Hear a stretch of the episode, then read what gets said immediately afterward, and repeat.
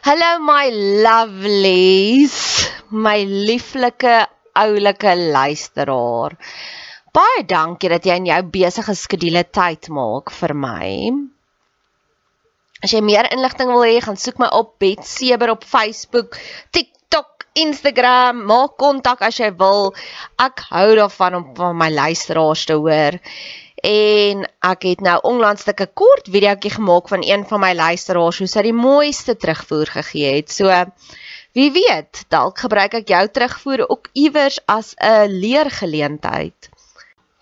Net nog 'n bedelaars gedeeltetjie. Ehm um, ek probeer nou om op radiostasies te kom. Soveel mense sê vir my hulle dink dis die pad vorentoe en ek dink dit ook persoonlik. So ek wil iewers graag my eie radioprogram wil hê met hierdie boodskappe van hoop. So luister hierna en as jy voel meer mense moet dalk hiervan hoor, ehm um, ag, doen my 'n guns en stuur dit vir 'n radiostasie. Sê jy luister na hierdie podcast of potgooi en dit inspireer jou so en jy dink ek sal 'n aanwins wees vir hulle. Ek sien in Pretoria gebaseer, so as dit 'n Pretoria Gauteng se radiostasie is, nog beter. So, hierse sê mos jy het nie want jy vra nie, so nou vra ek.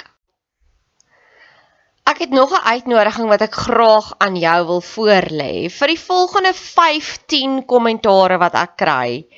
Positiewe, uplifting, persoonlike kommentare. So moenie net sê jy het lekker geluister nie. Sê vir my hierdie gedeelte was wat vir jou aangeraak het.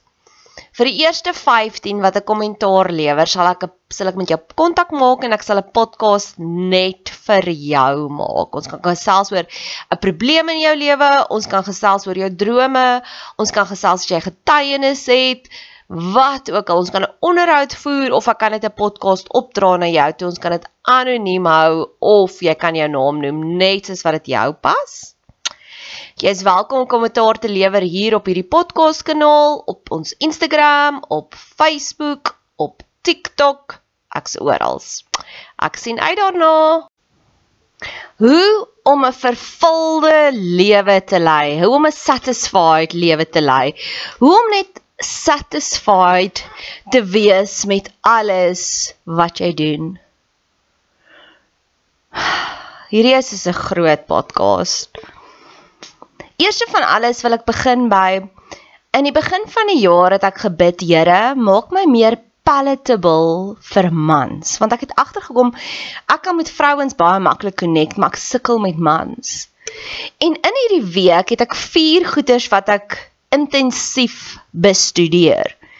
Die een wat op die laagste frekwensie vibe is Dale Carnegie se How to Win Friends and Influence People want ek het oorspronklik die ding gedownload om vir iemand te coach wat in 'n bestuursposisie is, maar wat sukkel om mense te lei.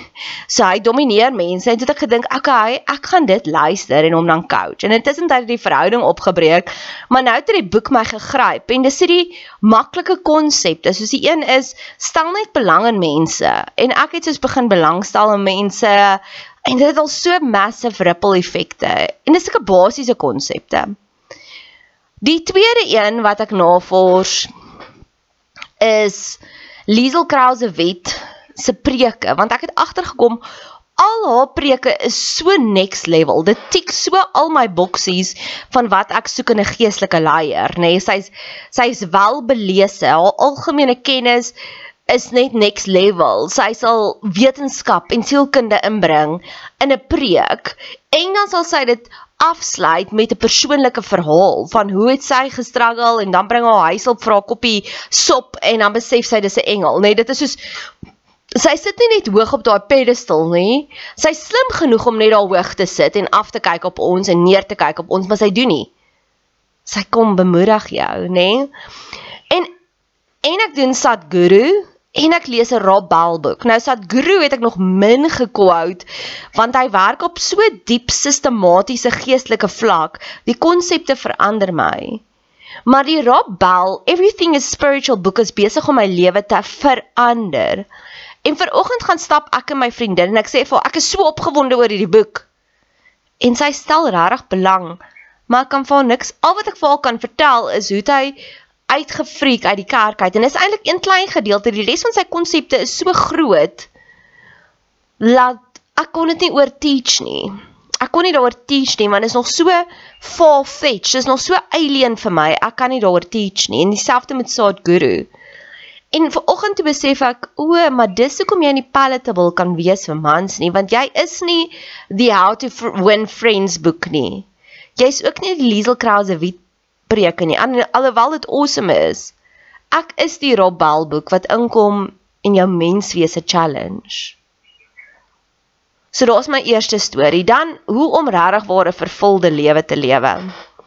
Uit die Rob Bell boek uit praat hy daarvan van die Israeliete het in ballingskap gaan lewe omdat hulle nie die land laat rus het nie. En dis waar Jeremia ingekom het. En vir oggend maak dit vir my sin. Om in ballingskap te lewe beteken jy 'n onvervulde lewe. Om in exile te lewe beteken niks bevredig jou nie. Jy voel ontuis oral waar jy kom.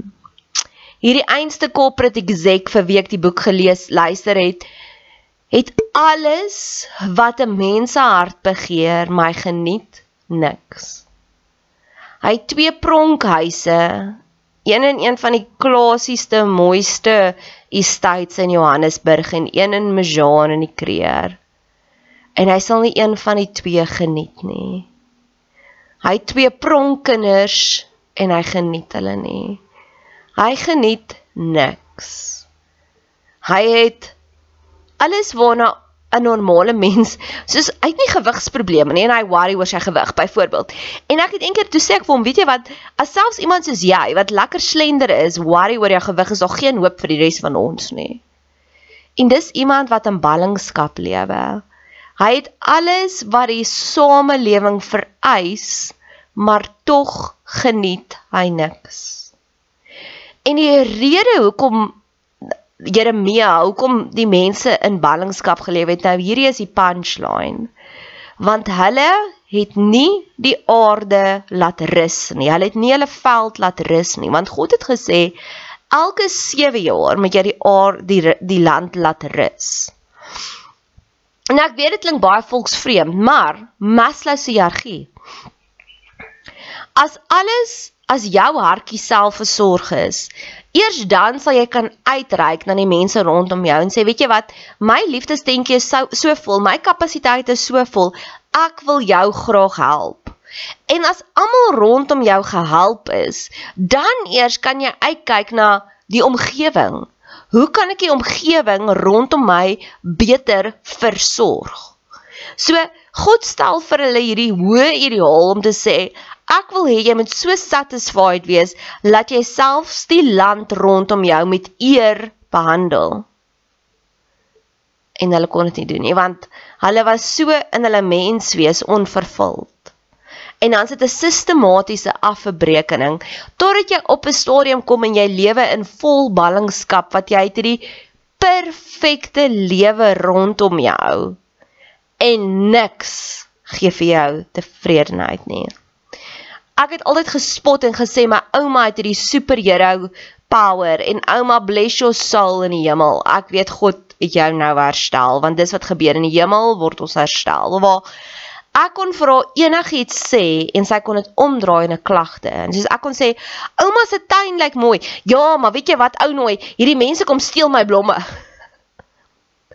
En ons kry sulke mense. Ek kan onthou met die corporate exec het ek eendag vir hom gesê, "Ek is so geseënd want op daai stadium het ek 'n heel naweek by hom gekuier en by my huis het hulle vir 'n hele dag lank nie water gehad nie." Sê ek vir hom, "Ek is so geseënd wat gelukkig as ek by jou En die mense hier by my huis sukkel nou tans met water.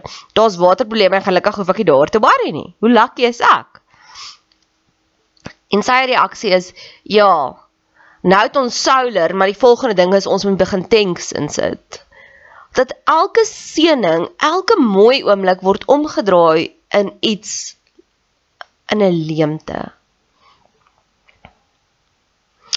En as jy alles rondom jou met soveel respek behandel, gaan jy ook die grond laat 7 jaar rus of 'n jaar lank rus na elke 7 jaar. Dis die bottom line. En dis nie 'n hoë idealistiese dis nie hierdie is nie 'n condemning preek nie. Hierdie is soos 'n verskriklike enlightenment preek want dit begin met jou. As jy vir jouself goeie versorging gee, as jy vir jouself gaan koester, as jy jouself as 'n prioriteit gaan laat voel.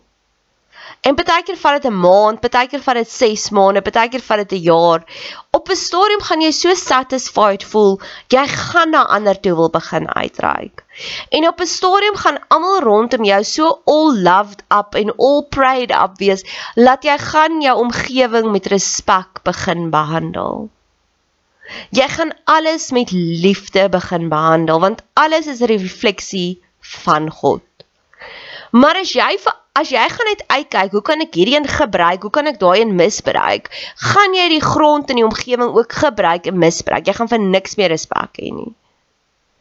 En dit alles begin by jou. As jy die goddelikheid in jou kan sien, as jy kan besef Alles is 'n wonderwerk. Om asem te hê in jou longe is 'n wonderwerk. Om ver oggend wakker te word is 'n wonderwerk. Want God het besluit jy mag ver oggend wakker word.